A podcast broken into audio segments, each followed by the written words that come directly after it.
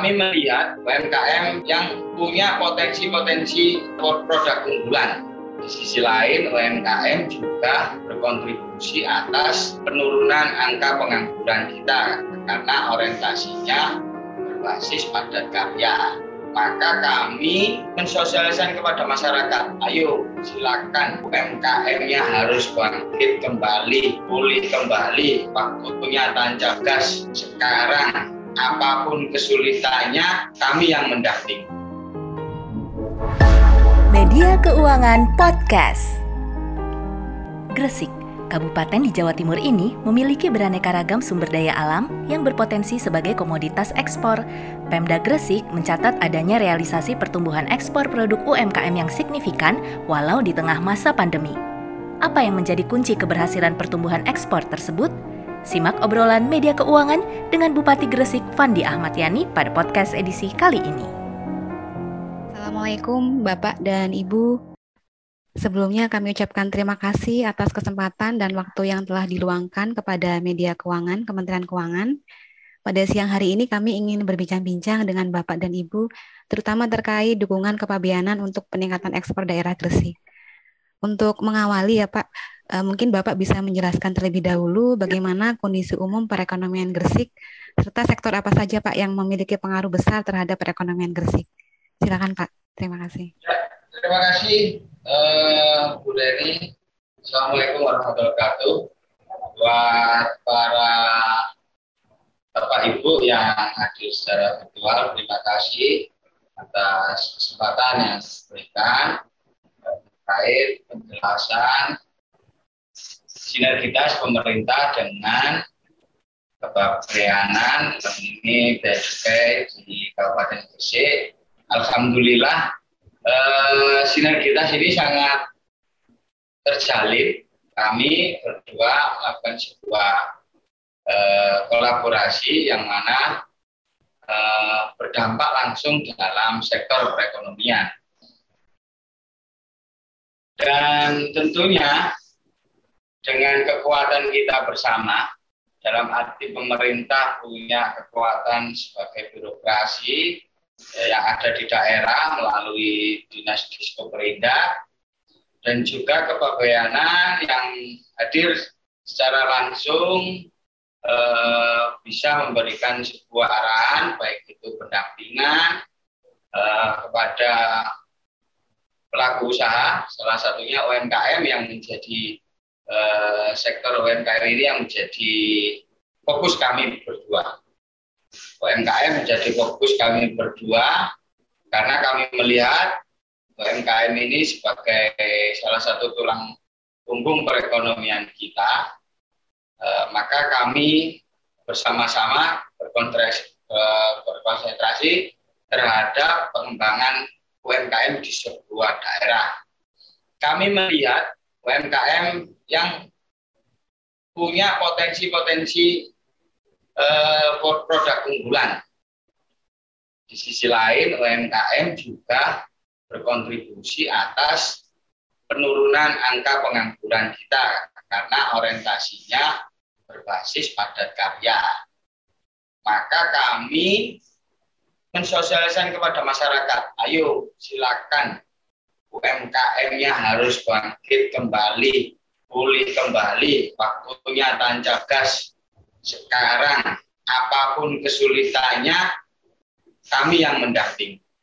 Dari sektor eh, Diskoperindak, mendampingi mulai dari perizinan, eh, terus kualitas produk, packaging, branding, perizinan mempermudah IN, eh, NIP NIP NIB itu NIB itu kita sangat dekat kita jemput di masing-masing kecamatan apa pun produk UMKM termasuk Car Free Day. Car Free Day itu juga kita dekat dengan masyarakat dinas DPM PTSB perizinan itu hadir buka satu kios untuk memberikan pengurusan NIB terkait UMKM di sisi lain uh, bea terus bersama-sama dengan kami mencari yang paling terbaik.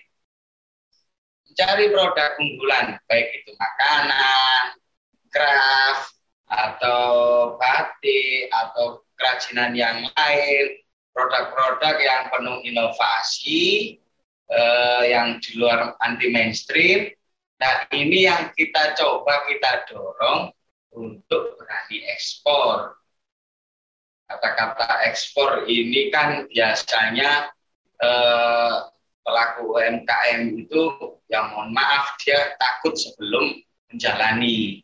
Waduh kayaknya susah ini ya untuk mencapai ekspornya seperti apa. Saya tidak punya keluarga di luar negeri, kenal pasar juga enggak. Maka di sini peran Bea Cukai eh, mendampingi mulai mencari, melihat, mempotret produk unggulan yang jenis apa. Dan uh, selama kami bersama-sama, uh, alhamdulillah ada yang uh, sudah kita realisasikan untuk ekspor, kita kenalkan uh, dengan pasar buyer-buyer di luar negeri melalui teman-teman saudara-saudara di Cukai. Mungkin itu Bu. Baik Pak, jadi ada kolaborasi yang sudah dilaksanakan ya Pak dengan tim uh. dari Bea Cukai ya Pak ya. Ya, uh, bagaimana Bapak melihat dari manfaat pemberian dukungan kepabianan dari pihak Bea Cukai tersebut Pak terhadap para pelaku usaha di Gresik Pak sejauh ini? Ya, saya sangat support dan sangat berterima kasih ya mengapresiasi tinggi-tingginya terhadap Bea Cukai. Yang mana akhirnya kami berdua punya efek dampak langsung menjadi sebuah daerah rujukan, eh, daerah percontohan, eh, karena kaumnya kami, kolaborasi kami ini terdengar di kabupaten kota yang lain. Kabupaten kota yang lain tuh kok bisa sih Gresik itu bisa ekspor ekspor ekspor ekspor itu ya apa caranya? Akhirnya ya kami kami dampingi kabupaten kota Lamongan. Saya bilang, waduh itu ya cukainya harus cari yang kayak Pak Eko gini Pak Eko kalau ada 10 sama Pak Bir itu ada 10 selesai gitu saya bilang gitu.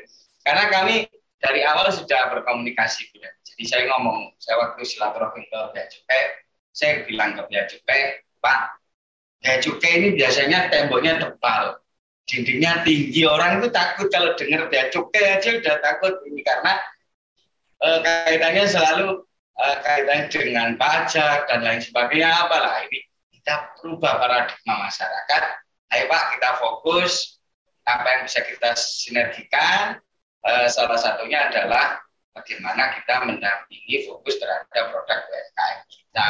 Akhirnya berjalanlah situ karena ini orang-orang ini nggak mau diam turun terus di lapangan akhirnya alhamdulillah realisasi seperti itu baik pak ada juga ya Pak program klinik ekspor dari pihak Bea Cukai yang sudah berjalan sejak tahun 2020 Pak. Bagaimana Bapak melihat klinik ekspor tersebut Pak? Apakah sudah cukup memenuhi ekspektasi dari Pemda atau mungkin ada hal-hal yang perlu ditingkatkan lagi dari klinik ekspor tersebut Pak? Klinik ekspor menjadi sebuah strategi kita.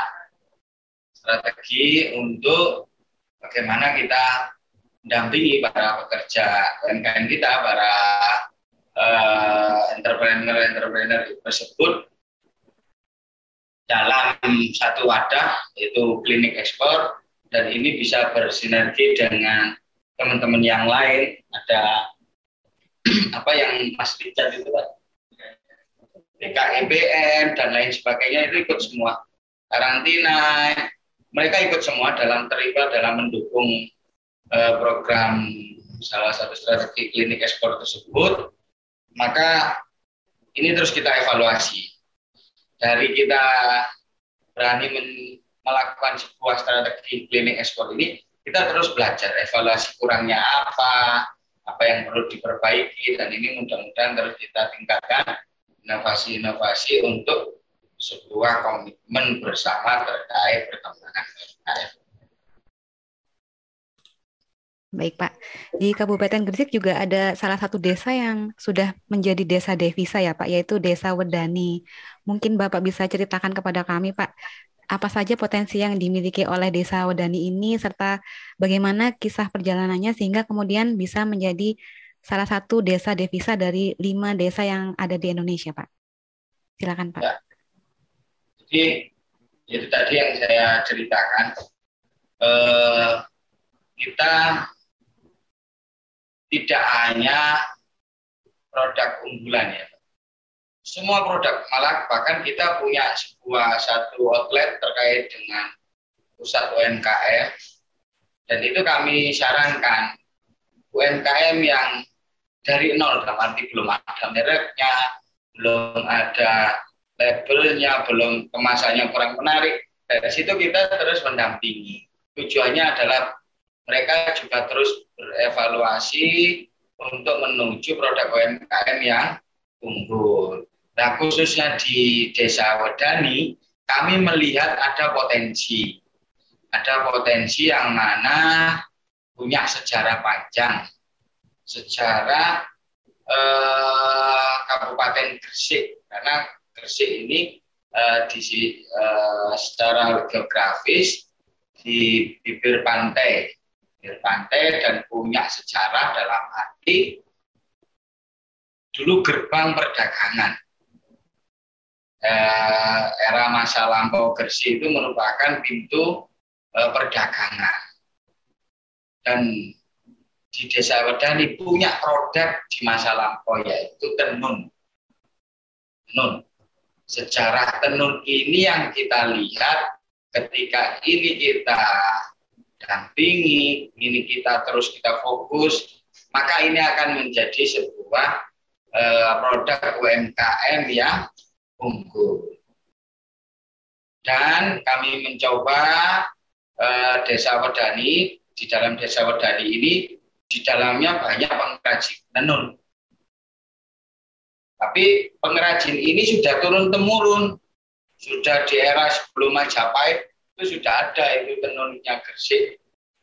Nah, itu maka maka uh, ini yang kami kami kami sayang kalau ini ada sejarahnya sampai hilang akhirnya kita dampingi. Dan uh, ketika didampingi kita fokus ke sana termasuk kita yang mendorong bagaimana masyarakat Gresik, masyarakat Jawa Timur eh, mengetahui sebagai identitas oh, Gresik ada tenun. Kalau bicara tenun ya Gresik. Akhirnya Bu Gubernur ya belanja di Desa Wedani gara-gara eh, Desa Wedani menjadi desa devisa kita. Nah, dari situ eh, terus kita mulai branding, mulai semuanya kita arahkan, kita berani keluar dari zona kita yang mungkin tenun selama ini untuk sarung, sudah mulai kita kenalkan lewat fashion, untuk baju, untuk tas, untuk kerajinan yang lain. Nah itu yang akhirnya menjadi eh, desa Wadani menjadi desa devisa dan kita dorong untuk ekspor eh, baik itu ke Timur Tengah, atau yang lain. Akhirnya sekarang tenun wedani jadi perhatian banyak Sudah diekspor ke banyak negara berarti ya Pak ya? Iya baik Pak. Sekarang susah nyari tenunnya karena produknya terlambat terus sekarang ya. Karena banyak permintaan begitu ya Pak? Iya baik. Tentunya ada tantangan ya Pak yang Bapak hadapi selama berusaha memajukan UMKM di Gresik. Bapak mungkin bisa ceritakan kepada kami Pak apa saja tantangan yang setelah Bapak hadapi dan berhasil Bapak taklukkan gitu Pak. Tantangannya memang harus kompak ya. Kompak karena orang banyak saling saling memberikan motivasi semangat bareng-bareng karena ya tentunya capek ya Bu. Turun ke lapangan melihat potensi Eh, produk tersebut, baik itu dari produk perkebunan atau produk pertanian, produk UMKM makanan atau produk kerajinan semuanya kuncinya adalah tandanya kita mau untuk turun ke lapangan. Dan juga butuh semangat bersama-sama eh, dalam satu fokus bahwasanya bagaimana UMKM di Kabupaten Gresik bisa uh, bangkit kembali? Dan tentunya ada kepedulian semua pihak, ada rasa empati memiliki bersama, oh Gresik banyak industrinya, uh, peran dinas tersebut untuk mendorong ini ada UMKM di sini tolong dilibatkan. Atau sem karena ini butuh satu orkestra kebersamaan. Karena banyak pihak. Mungkin Baik, Pak. Uh, terakhir pertanyaan dari saya, Pak. Mungkin nanti ada tambahan dari yang lain. Dukungan apa yang Bapak harapkan dari Kementerian Keuangan, Pak, khususnya Bea Cukai untuk bisa kembali memajukan perekonomian Gresik, Pak? Ya, terima kasih uh, atas uh, dukungan dari Kementerian Keuangan yang mana uh, Kementerian Keuangan yang sudah memberikan perhatian uh, dalam hal ini saya pernah melihat penghargaan yang diberikan oleh Kementerian Keuangan ke Bea Cukai Gresik ikut ikut senang walaupun saya tidak menerima uh, penghargaannya tapi ikut senang ikut senang karena bagian dari tim kita untuk mensukseskan eh, keberhasilan UMKM. Berharap kami terus butuh perhatiannya dari Kementerian Keuangan, tentunya agar menjadi motivasi kita bersama kasih hadiah. Hadiah melalui DAK khusus atau apa yang mana uh, yang mana menjadi uh, spirit kami bersama. Tentunya ketika ada itu, ada penghargaan, ada hadiah DAK khusus dalam arti bentuk program untuk pendampingan para UMKM atau dana DAK khusus untuk uh, fokusnya tetap sama di UMKM atau seperti ada uh, program tersebut untuk pembinaan di UMKM Karena kami melihat kami melihat ada sebuah eh, langkah ya ketika kita, bicara angka pengangguran di sebuah kabupaten kota di masing-masing daerah. Kami melihat dari sisi jangka panjang, eh, tambah tahun ke depan, lima tahun ke depan, sepuluh tahun ke depan, industrialisasi ini tambah modern. Yang ada malah berkurang SDM kita, tambah tahun tambah canggih mesinnya berkurang SDM kita. Nah, maka kami fokus dalam mendorong masyarakat kita untuk menjadi entrepreneur atau berani berusaha UMKM